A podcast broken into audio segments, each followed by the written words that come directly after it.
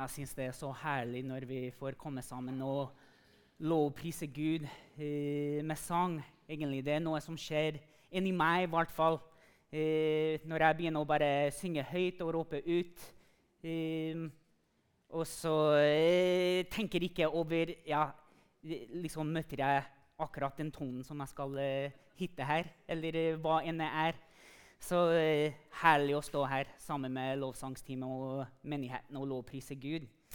Jeg er eh, enig med Kirsti at eh, akkurat i den tiden vi står nå, når det kommer alltid så mye usikkerhet eh, om hvordan vi skal leve livet vårt, at vi skal alltid lovprise Gud og være i Hans hus og være sammen så mye og så ofte vi får lov til det, egentlig. Eh, vi var hjemme hos dem for noen dager siden. Og så, eh, Sånn det vanlig pleier å gå. Eh, det blir alltid bønn eller et bibelvers eller noe sånt. Og der er jeg veldig glad at jeg er med i en sånn eh, type familie hvor Gud er alltid fokus. Men før vi dro, så sa Arve ja, jeg har fått liksom et bibelvers med meg i dag. Kan jeg dele med dere? Så Man takker alltid, aldri nei til sån, sånne ting. Så han kommer med noe fra Filipperne 4.4, og det står der Gled dere alltid i Herren. Og alltid, uansett hva vi opplever i dette livet, uansett hva er liksom rett foran oss, er vi kalt til å glede oss i Herren uansett.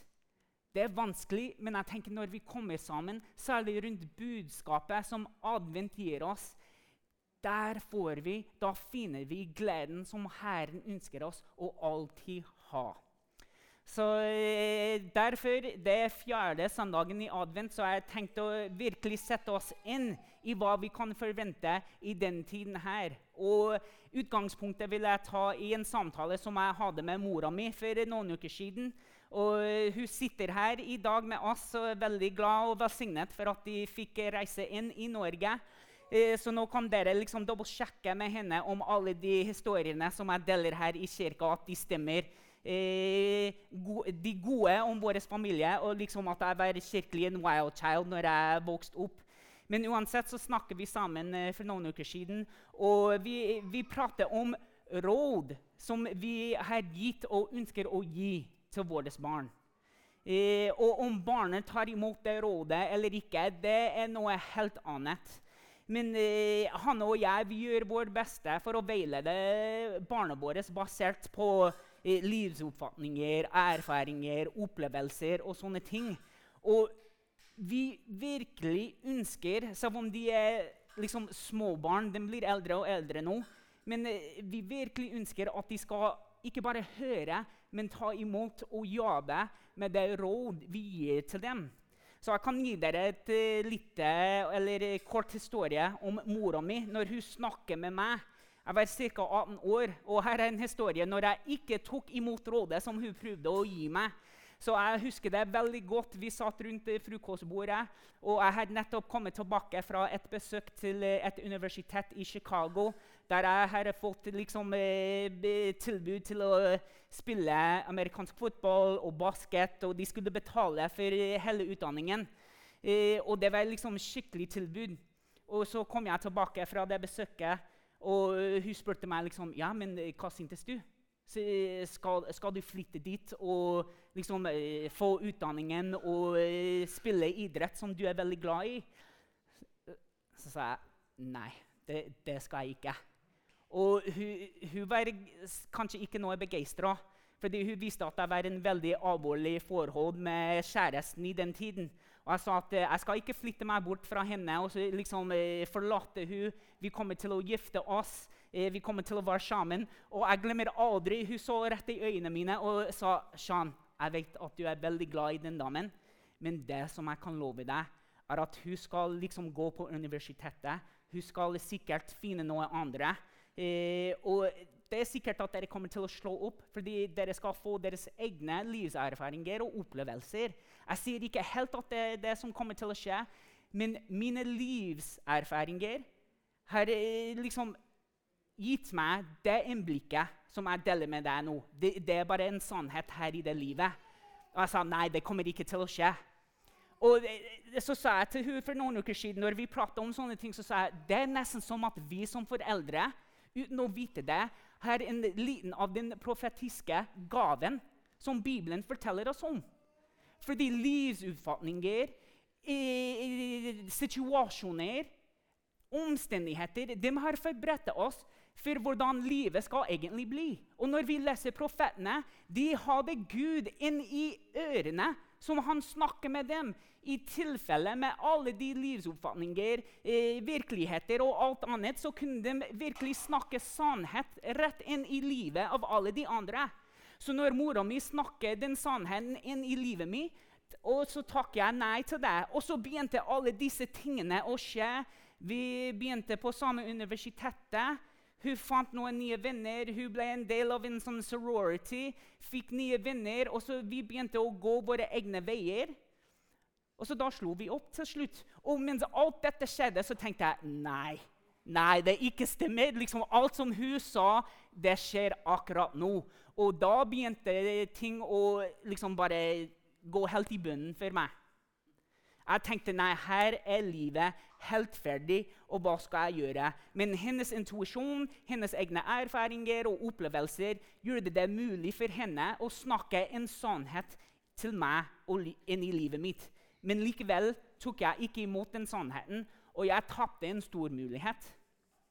Og sånn er det egentlig. Som sagt, om vi tar imot veiledning fra de nærmeste oss, som jeg, jeg mener virkelig ønsker det beste for oss og gir oss de beste veiledninger som man kan få.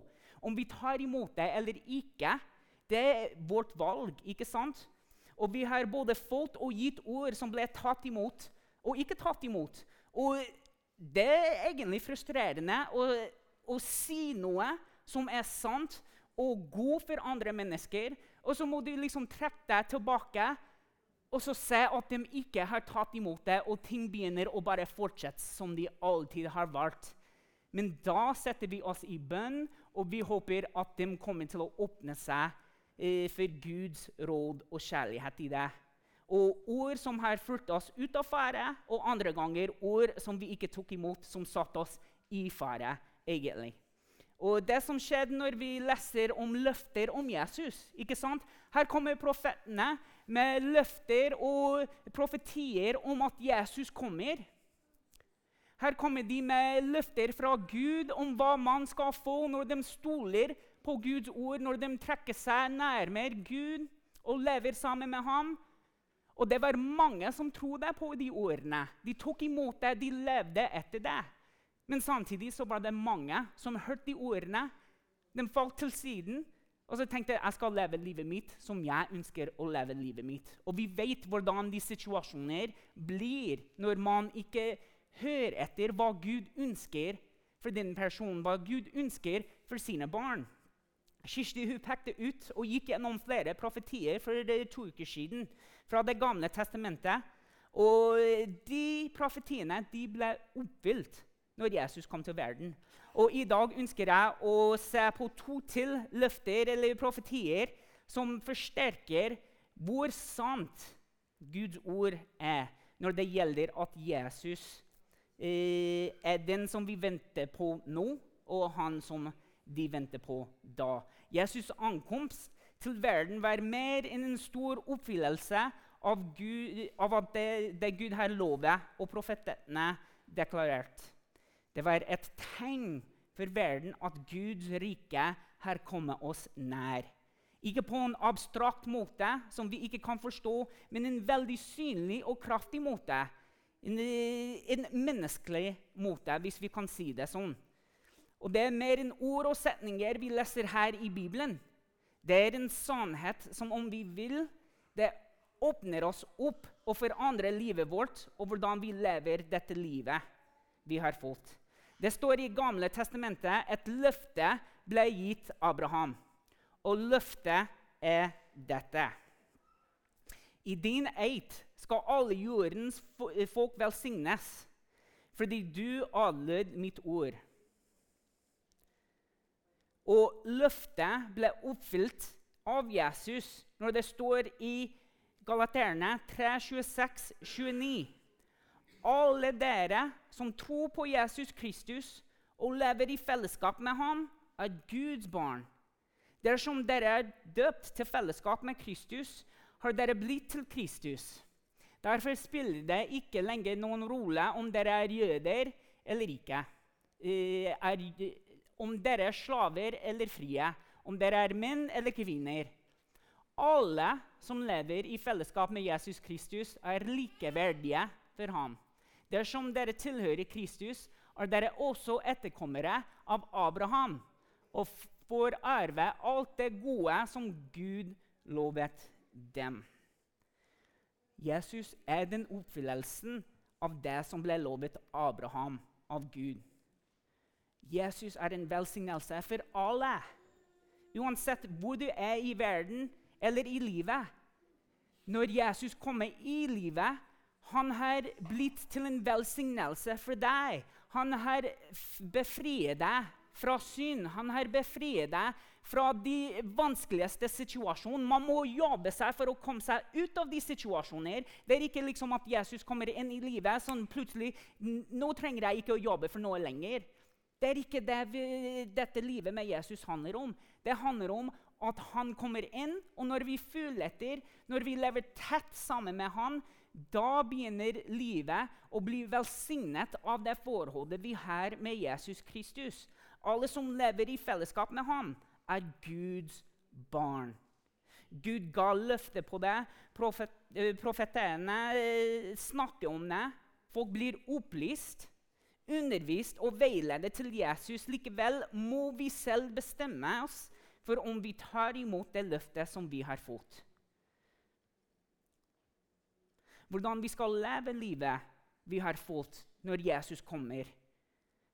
Og i det fellesskap vi har sammen med ham. Vil vi virkelig sette oss i fellesskap med Jesus? Eller er det bare noe vi tar imot, og så gjør vi ikke noe med?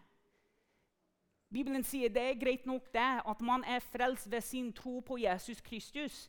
Men et virkelig levende forhold som blir en velsignelse for dette livet og det livet som kommer, handler om at vi setter oss, vi gir oss til det forholdet, og vi bygger opp forholdet sammen med Jesus Kristus, Den hellige ånd og vår Far i himmel, Gud.